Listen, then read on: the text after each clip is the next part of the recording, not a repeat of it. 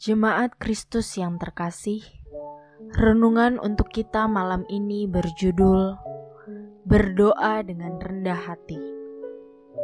Dan bacaan kita diambil dari kitab Mazmur 41 ayat 1 sampai dengan ayatnya yang kelima. Beginilah firman Tuhan.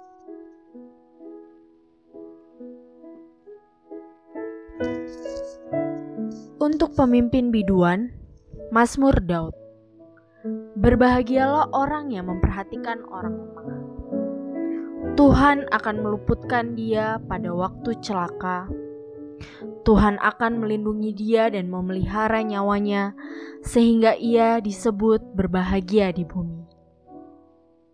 Engkau takkan membiarkan dia dipermainkan musuhnya Tuhan membantu dia di ranjangnya waktu sakit. Di tempat tidurnya, kau pulihkannya sama sekali dari sakitnya.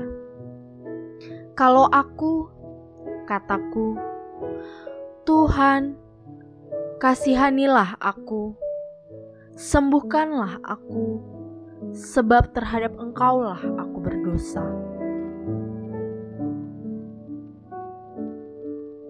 Bagaimanakah sikap doa yang benar di mata Tuhan? Tentu bukan doa yang meminta-minta demi kepentingan pribadi. Apalagi doa yang menuntut janji Allah. Seakan-akan Allah berhutang kepada kita untuk mengabulkan doa kita. Mazmur ini mengajarkan cara berdoa yang benar, yaitu dengan kerendahan hati. Sikap rendah hati ditunjukkan pemazmur dengan menyadari dosanya di hadapan Tuhan. Ia juga mengakui bahwa ia tak sanggup menghadapi para musuh yang merencanakan kecelakaan padanya. Ia meminta pertolongan Tuhan agar ia sanggup menghadapi mereka. Keberanian itu bukan muncul dari kesombongan. Sebaliknya, dari sikap yang rendah hati dan tulus. Dengan kata lain, pemazmur percaya bahwa Tuhan melihat motivasi hatinya dan berkenan kepada doanya.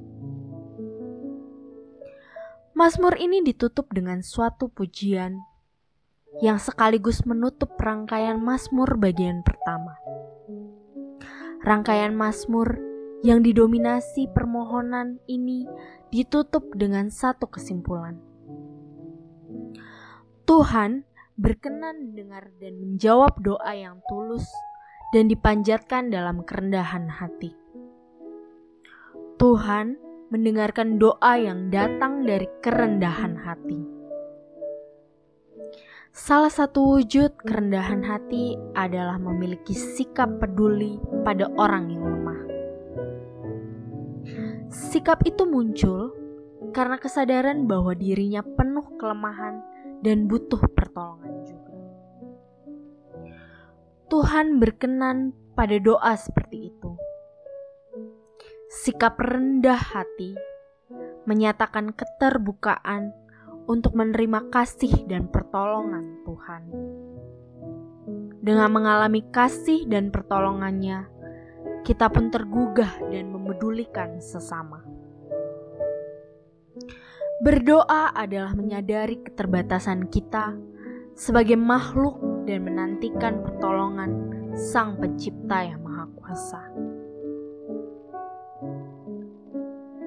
Demikianlah renungan malam ini.